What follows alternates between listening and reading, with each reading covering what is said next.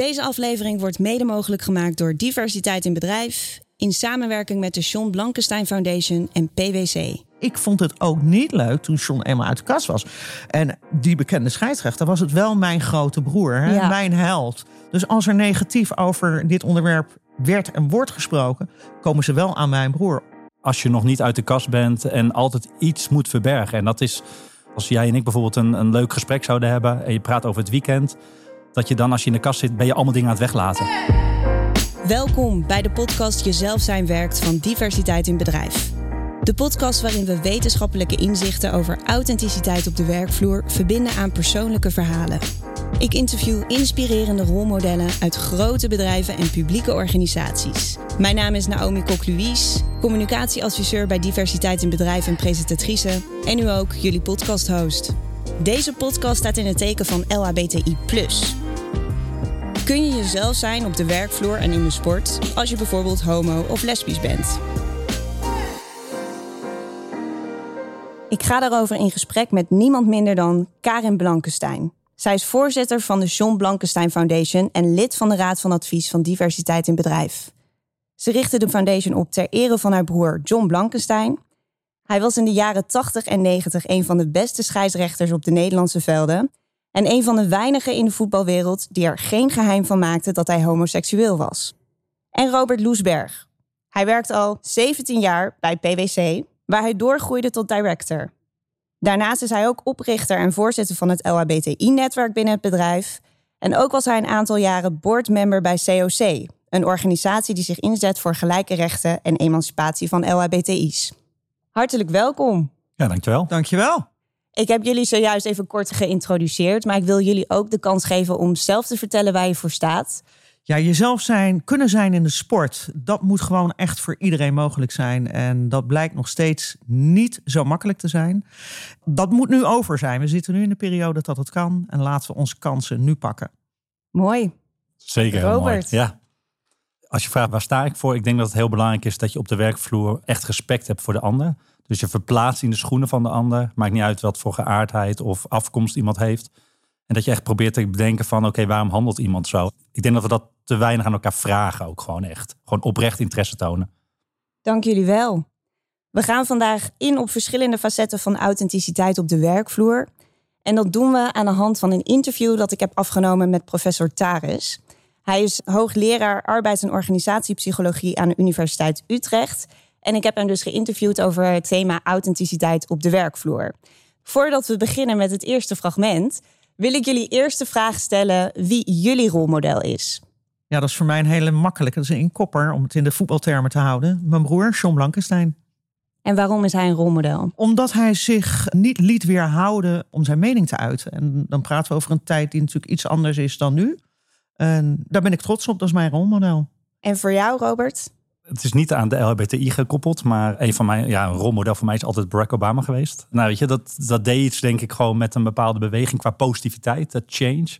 En ik denk dat je ja, dat soort boodschappen, dat we daar altijd behoefte aan hebben. Dus Dan gaan we nu wel naar het eerste fragment. We zien vooral dat, dat het behoorlijk samenhangt met een aantal dingen die wij belangrijk vinden. We hebben het gerelateerd aan bijvoorbeeld gevoelens van vermoeidheid, van burn-out, van bevlogenheid, van de ideeën die mensen zelf hebben over een prestatie.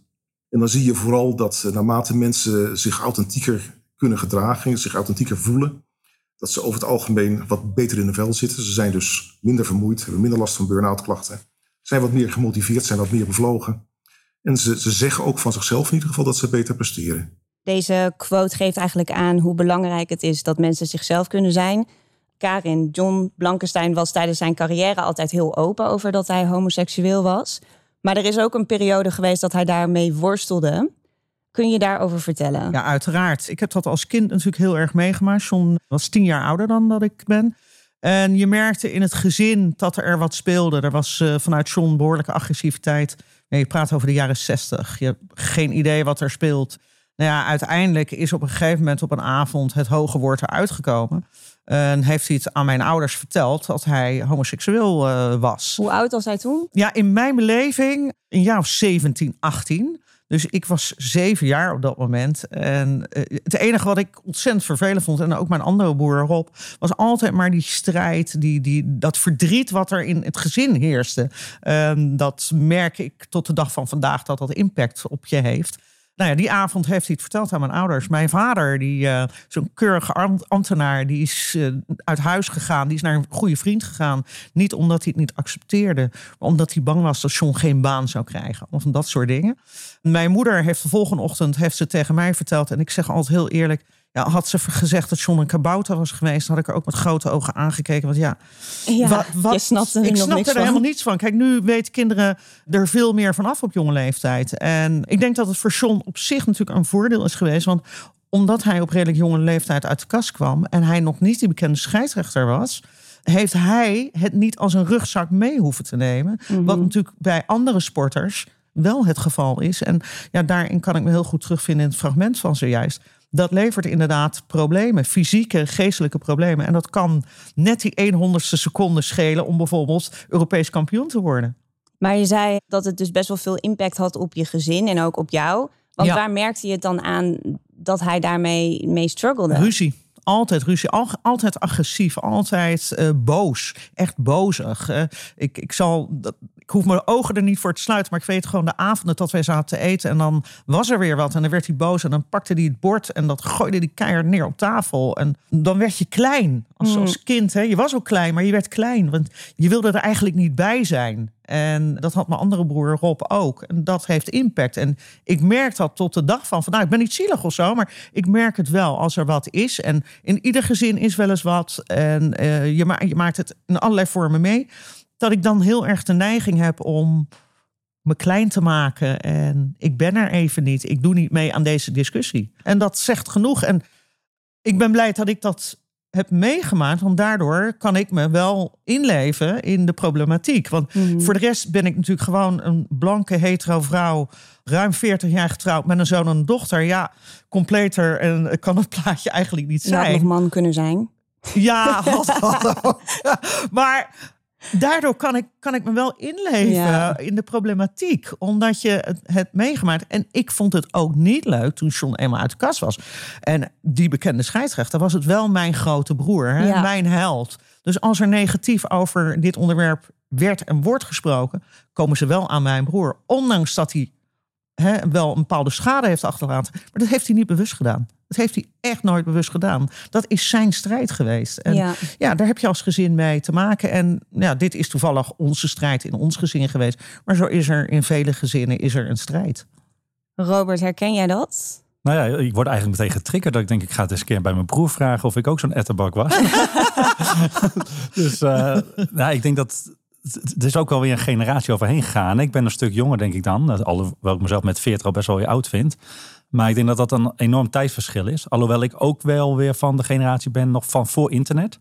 Dus toen ik zelf uit de kast moest komen, toen wist ik eigenlijk heel veel dingen ook nog helemaal niet.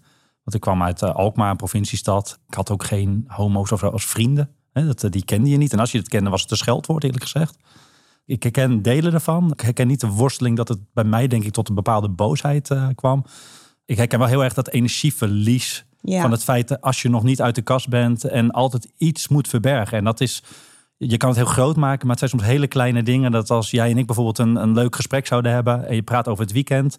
Dat je dan als je in de kast zit, ben je allemaal dingen aan het weglaten. Want je kan niet vertellen met wie je bijvoorbeeld bent uitgegaan. Of je kan niet vertellen welke kroeg je was. Want voor je het weet, weet mensen dat is een gay kroeg. En al dat soort kleine dingetjes in sociale contacten. Dat is allemaal voorbeeld van energieverlies. Ja, Dus ik herken dat onderzoek wel, denk ik. Dat dat allemaal bij elkaar opgeteld is. Dat een hele hoop. ja, ja, zeker. En wanneer ben jij uit de kast gekomen? Ja, dat is, een- het is altijd een beetje een reis.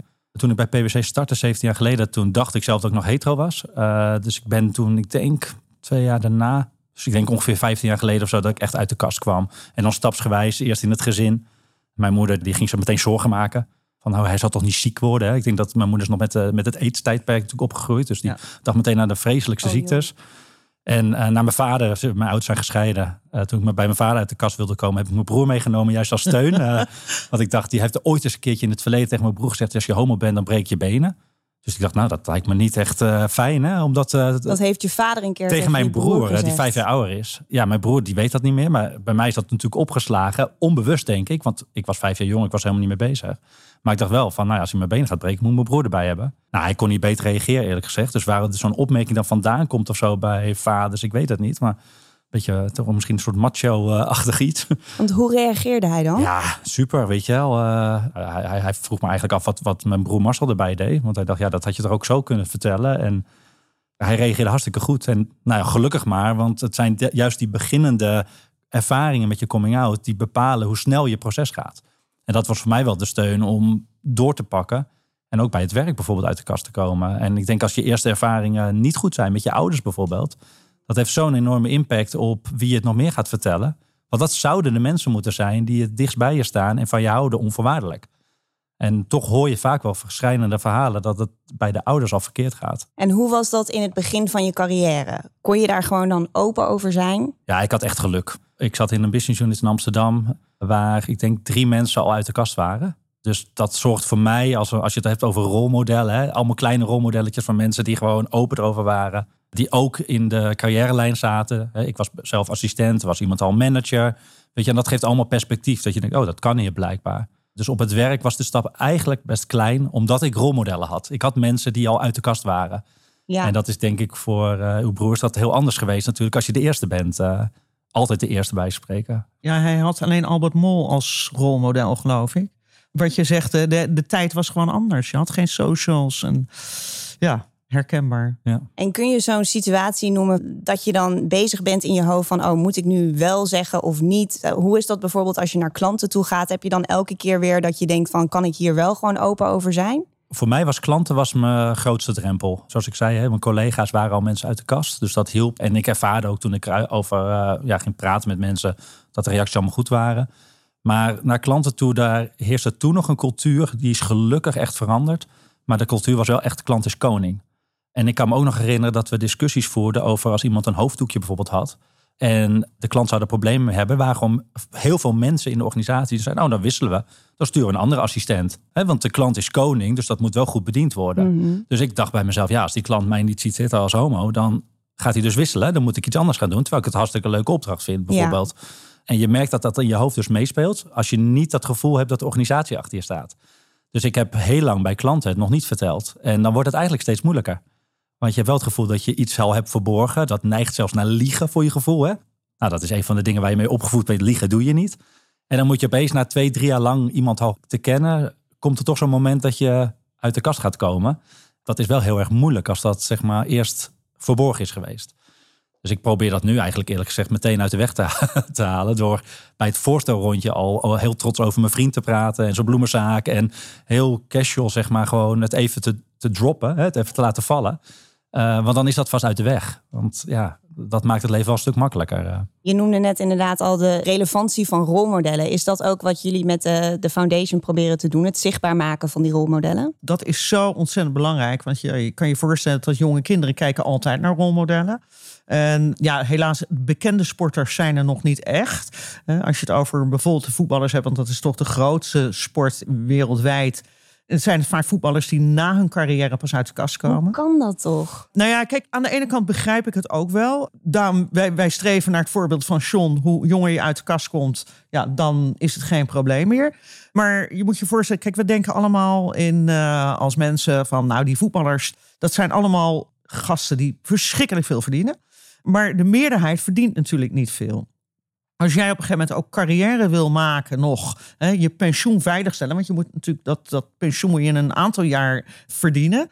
En jij denkt van nou, ik ga nog naar het buitenland en jij bent openlijk homoseksueel, dan zal je in Duitsland, België, uh, Scandinavië, Engeland zal geen probleem zijn. Maar vaak het geld ligt toch Midden-Oosten, Oost-Europa. Ja, we hoeven Duitsland maar door te gaan en we komen in Polen en we zien wat daar nu aan de hand is dat wordt heel lastig. Daarbij zijn ze natuurlijk, hè, dat wordt nog steeds in stand gehouden, de spreekkoren. Ik geloof daar zelf wat minder in. En natuurlijk zal dat impact hebben. Maar ik geloof zeer zeker dat als je in gesprek gaat met supporters. dat het allemaal niet van die boemannen zijn. En als je zo'n verhaal hoort van een rolmodel. dat raakt ook die harde kern. Daar ben ik van overtuigd. Dus wij werken met wat kleine rolmodellen, maar ja, wel hele goede. We hebben een Thijs Smenk, die journalist is bij het ANP, sportjournalist. Mhm. Thijs de Greef, we hebben toevallig twee Thijsen, voormalige hockey international.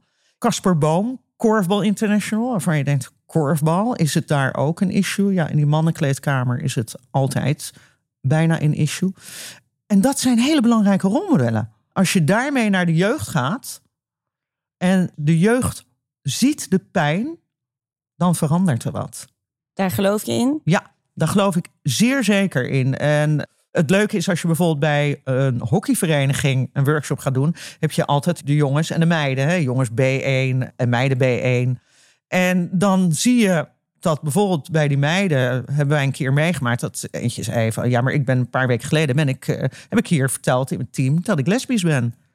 En dan zie je de jongens echt zo kijken. Oké. En met douchen is dat een probleem? Nee, bij ons niet.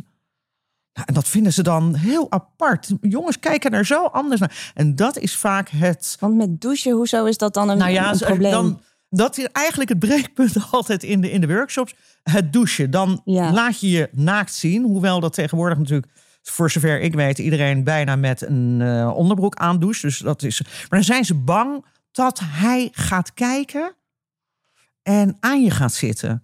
Ja, en dat vooroordeel moet je natuurlijk weghalen. Want dan zeggen we ook, ja, heb je dan het idee dat hij dan op iedereen verliefd kan worden? Ja. Word jij verliefd op het vriendinnetje van jouw teamgenoot? Nee, helemaal niet. Vind ik helemaal niet leuk. En, nou, oké. Maar dat, dat, dat zijn van die vooroordelen en die moet je weghalen. En als je jezelf dan breekbaar durft op te stellen bij zo'n workshop, wat dan ook gebeurt, door hè, je, je ehm, verdriet en je pijn te laten zien. En dan komt er op een gegeven moment een moment dat je bijvoorbeeld ook zegt van nou oké, we, we, we doen een soort spel. Ik ga nu douchen. Wie durft er naast me te komen staan? En dan zie je dat de eerste vijandigheid eigenlijk, of angst, is omgeslagen naar iets positiefs. Dat 97% van het elftal dan opstaat en naast de workshopleider komt staan. Dus het weghalen van vooroordelen, dat is belangrijk. En zeker door rolmodellen. Maar wat je net ook zei, van, ik kan me best wel voorstellen als het vooral voor beginnende voetballers ook consequenties kan hebben voor je carrière. Ja, Dat je denkt van, nou ja, heel prima allemaal dat het belangrijk is om een rolmodel te zijn. Maar eh, ik wil iets bereiken en ik kies er dan maar voor om misschien dit aspect van mezelf te verbergen. Ja. Ja, alleen we moeten naartoe dat dat natuurlijk niet meer kan en niet meer hoeft. En dat is de reden dat wij bij voetbal, maar ook bij hockey, welke sport dan ook, maar zeker bij voetbal, die workshops al voor teams geven vanaf onder 15. En als daar dan een jongen bij zit, en dat hopen we dat dat natuurlijk in de toekomst gaat gebeuren, dat zo'n jongen dat ook eerder kan zeggen en dan doorgroeit naar die topvoetballer. En ja, dan, is, dan heeft hij in ieder geval dat geheim niet meer. En hij kan vrijuit spelen. En dan heeft hij, om even plat te zeggen, scheid aan de hele wereld. Want hij heeft het wel gezegd. En hij zei, want die teammaten, dat, we hebben wel eens onderzoek gedaan een aantal jaar geleden. En dat gaat er eerder weer aankomen. Die teamgenoten, die hebben daar over het algemeen helemaal geen moeite mee. De club ook niet. Sponsoren, dat wordt ook nog wel eens genoemd. Maar gezien de hele discussie van de afgelopen periode, denk ik dat we die ook kunnen tackelen.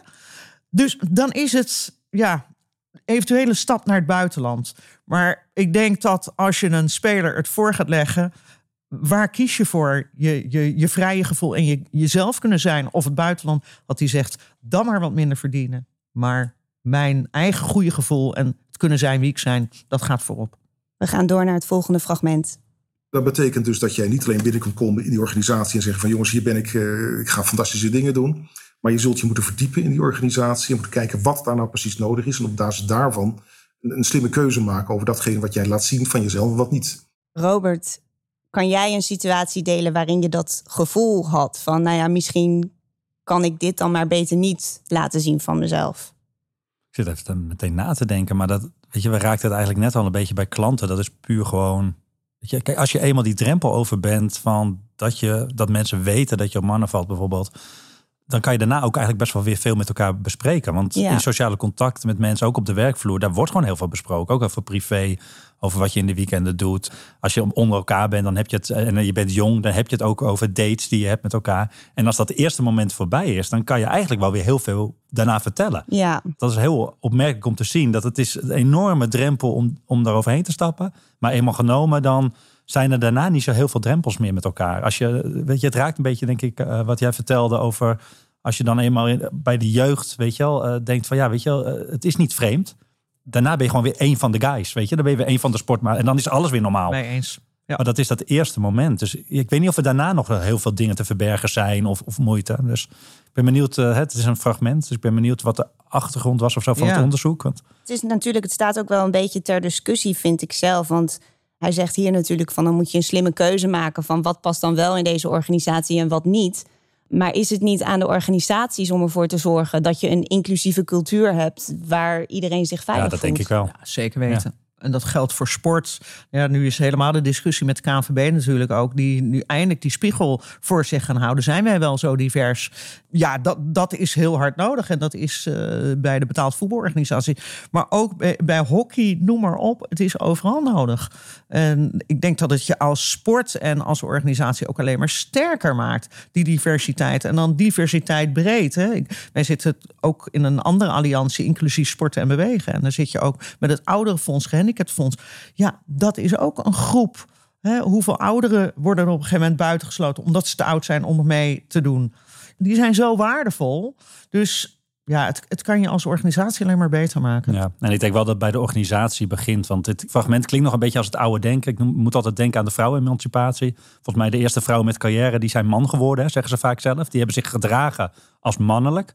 Terwijl het volgens mij aan de organisatie juist is om te zorgen dat iedereen gewoon zoals hij is, hè, authentiek, inclusief, in plaats van divers, maar dat iedereen een plekje heeft daar. Het klinkt heel vreemd om inderdaad dingen te gaan verbergen van jezelf. Want ik, ja, ik ben inmiddels zover dat als ik niet bij de organisatie zou passen, dan ga ik op zoek naar een organisatie waar ik wel pas. Want die zijn er. Hè? Dus er zijn gewoon eh, organisaties. En ik, ik ben gelukkig in de omstandigheid dat ik vind PwC een voorloper daarin. Maar zo zijn er gelukkig andere organisaties ook. Er zijn organisaties waar je gewoon jezelf kan zijn. Dus ik denk dat de organisaties een stap moeten maken om gewoon te zorgen dat je talent aan je bindt. Door iedereen gewoon ook, ook gewoon lekker zichzelf te kunnen laten zijn. En respect te hebben voor elkaar. Jij hebt bijvoorbeeld ook het medewerkersnetwerk opgericht. Ja, klopt. Op welke manier draagt dat eraan bij dat medewerkers meer zichzelf kunnen zijn? Nou, één thema wat we eigenlijk al raakt is de zichtbaarheid. Hè? Dus de, het feit dat eigenlijk is iedereen is een rolmodel. Hè? Op het moment dat je uit de kast bent, maar ook als je gewoon een andere achtergrond hebt dan mensen. Als je daar gewoon open over bent, als je dat zichtbaar is, dan ben je eigenlijk al een rolmodel, een mini-rolmodel. En je weet nooit voor wie. En wat wij proberen te doen met zo'n medewerkersnetwerk is dat we enerzijds de mensen bij elkaar brengen natuurlijk om voor de mensen die al uit de kast zijn elkaar willen ontmoeten. Dat je je verhaal kwijt kan misschien. De een worstelt er meer mee dan de ander.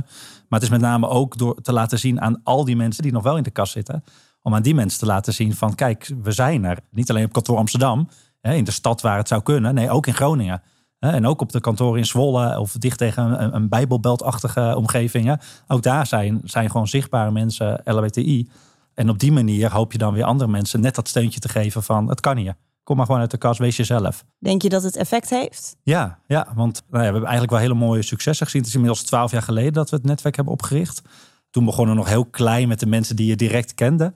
En op het moment dat we eigenlijk zeg maar eh, het, het, het intranet, hè, noem je dat dan? Eh, ik weet niet of het nog steeds zo heet trouwens, maar eh, vroeger zei je dat. Hè, had je een intranet als bedrijf. Ja, wij nog steeds hoor. Ja, precies. Dus, nou, als je daar dan op mocht en bekendmaken van het netwerk is er. Toen zijn we vrij snel van nou, een, een handvol mensen die ik kende naar 40 personen gegaan die zich hebben aangemeld.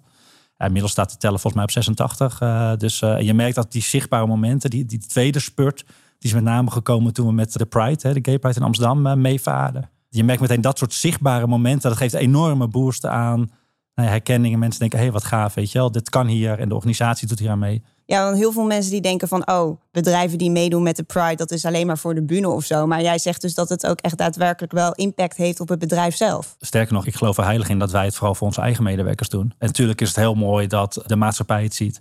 Dat onze klanten het zien. En als je daar goed voor door krijgt, top. Maar het belangrijkste is eigenlijk, zo hebben we het ook altijd ingestoken.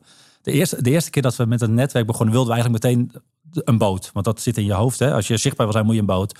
En het grappige is dat de raad van bestuur die we toen hadden, die zei tegen ons van... hou het eerst even intern. Ik zou het heel fijn vinden om een gevoel te krijgen of we wel zo veilig zijn als dat we denken dat we zijn. Ja, Want als je met zo'n boot, juist als je naar buiten treedt en jezelf op de borst gaat slaan, je afbreukrisico neemt ook enorm toe. Mhm. Dus ik vond het eigenlijk wel heel mooi om dat we eerst, we zijn heel lang eigenlijk intern geweest en die boot is pas vrij laat gekomen. Dus nee, wij doen dat niet voor de bühne of wat dan ook. Dat is echt gewoon om te laten zien van hier geloven wij in. En dan is de, de Gay Pride is wel het meest zichtbare evenement om dat te tonen. ja. En dat heeft, doet iets enorms goed met, ja, met de medewerkers. Toen we eenmaal de eerste keer dat we als PwC zeg maar, echt een eigen boot namen... toen gaf dat ons kans om ook meteen in de hele organisatie zeg maar, daar rugbaarheid aan te geven. En toen hebben we mensen, eigenlijk DJ's gevraagd. Wie wil de DJ zijn op de boot? We hebben een bedrijf met bijna 5000 mensen. Daar moeten mensen bij zijn als amateurs die DJ zijn. ja. Nou, er zijn wel iets van een stuk of tien mensen die daar echt zeg maar, serieus op ingaan. Die hebben eh, van die eh, podcastjes gemaakt met eh, muziek voor de boot. Daar konden mensen op stemmen. Nou, we hebben een danscontest gehouden van er moeten ook dansers zijn. Hè? Professioneel, amateuristisch, noem maar op. Ja, en dat, we hebben een hele zomer lang bij spreken aandacht kunnen geven aan het thema LHBTI. Alleen al omdat we een boot hadden. En gewoon al die dingetjes die je daaromheen kan doen en de zichtbaarheid. ja. Ja, dat was echt fantastisch. Als er dan zo'n energie eh, langskomt en dan uiteindelijk met die polls op internet, daar hebben 800 mensen gestemd op de DJ. Nou, dat zijn geen 800 homo's, zeg maar. Nee. Hè, dat, dat, dat is gewoon, dat, Mooi. dat zijn je hetero eh, collega's die gewoon helemaal fantastisch vinden dat de organisatie dat doet. Wat is nog de grootste uitdaging op dit gebied volgens jullie? Nou, in de sport eh, hebben we nog wel wat uitdagingen. En Ja, dat de sporter gewoon zichzelf durft te zijn. En niet wacht tot na een carrière.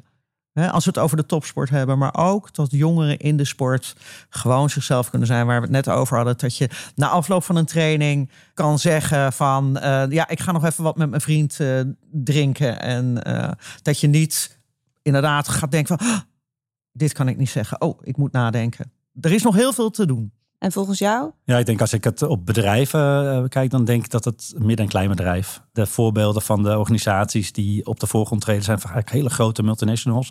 Dat is super dat ze dat doen. Maar als je gaat optellen hoeveel medewerkers ze uiteindelijk in Nederland dan zeg maar onder zich hebben, is dat een fractie van het aantal werkende Nederlanders. Ik denk zodra je eigenlijk die, die hele middenmoot van bedrijven bij hebt, dir- directeur, grote aandeelhouders, die gewoon de stempel zetten in hun eigen bedrijf. Ik denk als je die mensen meekrijgt, dat ze inclusiviteit uitstralen, iedereen omarmen. Ja, dan heb je de, dat is de next step, denk ik. Wat is jouw tip aan MKB om die diversiteit te bevorderen en ervoor te zorgen dat je een inclusief klimaat hebt voor iedereen? Ja, mijn tip zou zijn, denk ik, dat is misschien toch echt die directeur, grote aandeelhouder zelf, zeg maar. Van, weet je wel, weet gewoon wat voor impact je op je bedrijf hebt. Qua cultuur die je zet. Dus durf gewoon inclusief te zijn. Omarm het. En als je niet weet waar je het over hebt, ga je je laten informeren. Want volgens mij gaat er een wereld open voor die mensen. Als ze gewoon echt weer het brede talent binnenhalen. Door gewoon, of het nou geaardheid is of, of, of achtergrond van iemand, culturele achtergrond. Weet je er zijn zoveel eh, mooie mensen met, met inhoud en ambitie. Die gaan staan klaar op het moment dat jij je bedrijf inclusief maakt. En wat is de eerste stap? Weet waar je het over hebt. Weet de, de verkeerde opmerking die je kan maken. Eigenlijk een beetje waar Karin natuurlijk in het begin al over had. Wat houdt het nou in voor iemand? Hè? Wat doet het met je? Uh, dus ik denk dat je jezelf verdiepen. Uh, in dit geval hebben we het over LHBTI. Dan gaat het over verdiepen. Wat is een coming out? Wat doet dat met mensen? En wat doen die grapjes bijvoorbeeld mensen? Hè, die awareness bij jezelf eventjes leren. Ik denk dat dat wel stap één is. Uh. En Karin, wat is jouw tip aan sportteams om LHBTI bespreekbaar te maken binnen je team? Ja, nou, maak het inderdaad bespreekbaar en zeg niet wat wij vaak horen bestuurders, want daar kom je als eerste binnen. Je moet bij een vereniging binnenkomen en uh, dan zeggen ze, joh, je bent wel welkom, maar we hebben ze niet. En dan vragen we, nou, hoeveel leden heb je? Nou ja, variërend tussen de vijf en de duizend. Oké, dus er, je kent er geen één. Nou, kijk dan eens even goed naar je organisatie. Ken jij je leden wel heel erg goed? En ja, dat is meer het besef van... Uh, ze zijn er wel in de sport en doe er wat mee. En dat kan heel simpel. Je hoeft niet gelijk een workshop, maar het kan zijn door het op te nemen in je normen en waarden. Een regenboogvlag, ik weet, het is een symbool. Maar we horen het heel vaak van jongeren. Ja, als daar een vlag hangt, een regenboogvlag, weten we in ieder geval dat ze weten dat we bestaan. Mm -hmm. En dat zijn van die hele kleine dingen. Uh, ja, dat, dat is wat ik, wat ik zeker aan bestuurders mee wil geven. Ontken het niet dat ze er, dat ze er zijn. Waardevolle Mooi. tips. Ja. Hartelijk dank. Graag gedaan. Graag gedaan. Bedankt voor het luisteren naar de podcast Jezelf zijn werkt. Vond je het een goede aflevering? Vergeet dan niet de podcast te volgen in je favoriete podcast-app. Deze podcast is gemaakt voor Diversity Day. Dat is de dag waarop bedrijven in Nederland de kracht van diversiteit vieren. Ook meedoen op 6 oktober? Ga dan naar diversityday.nl.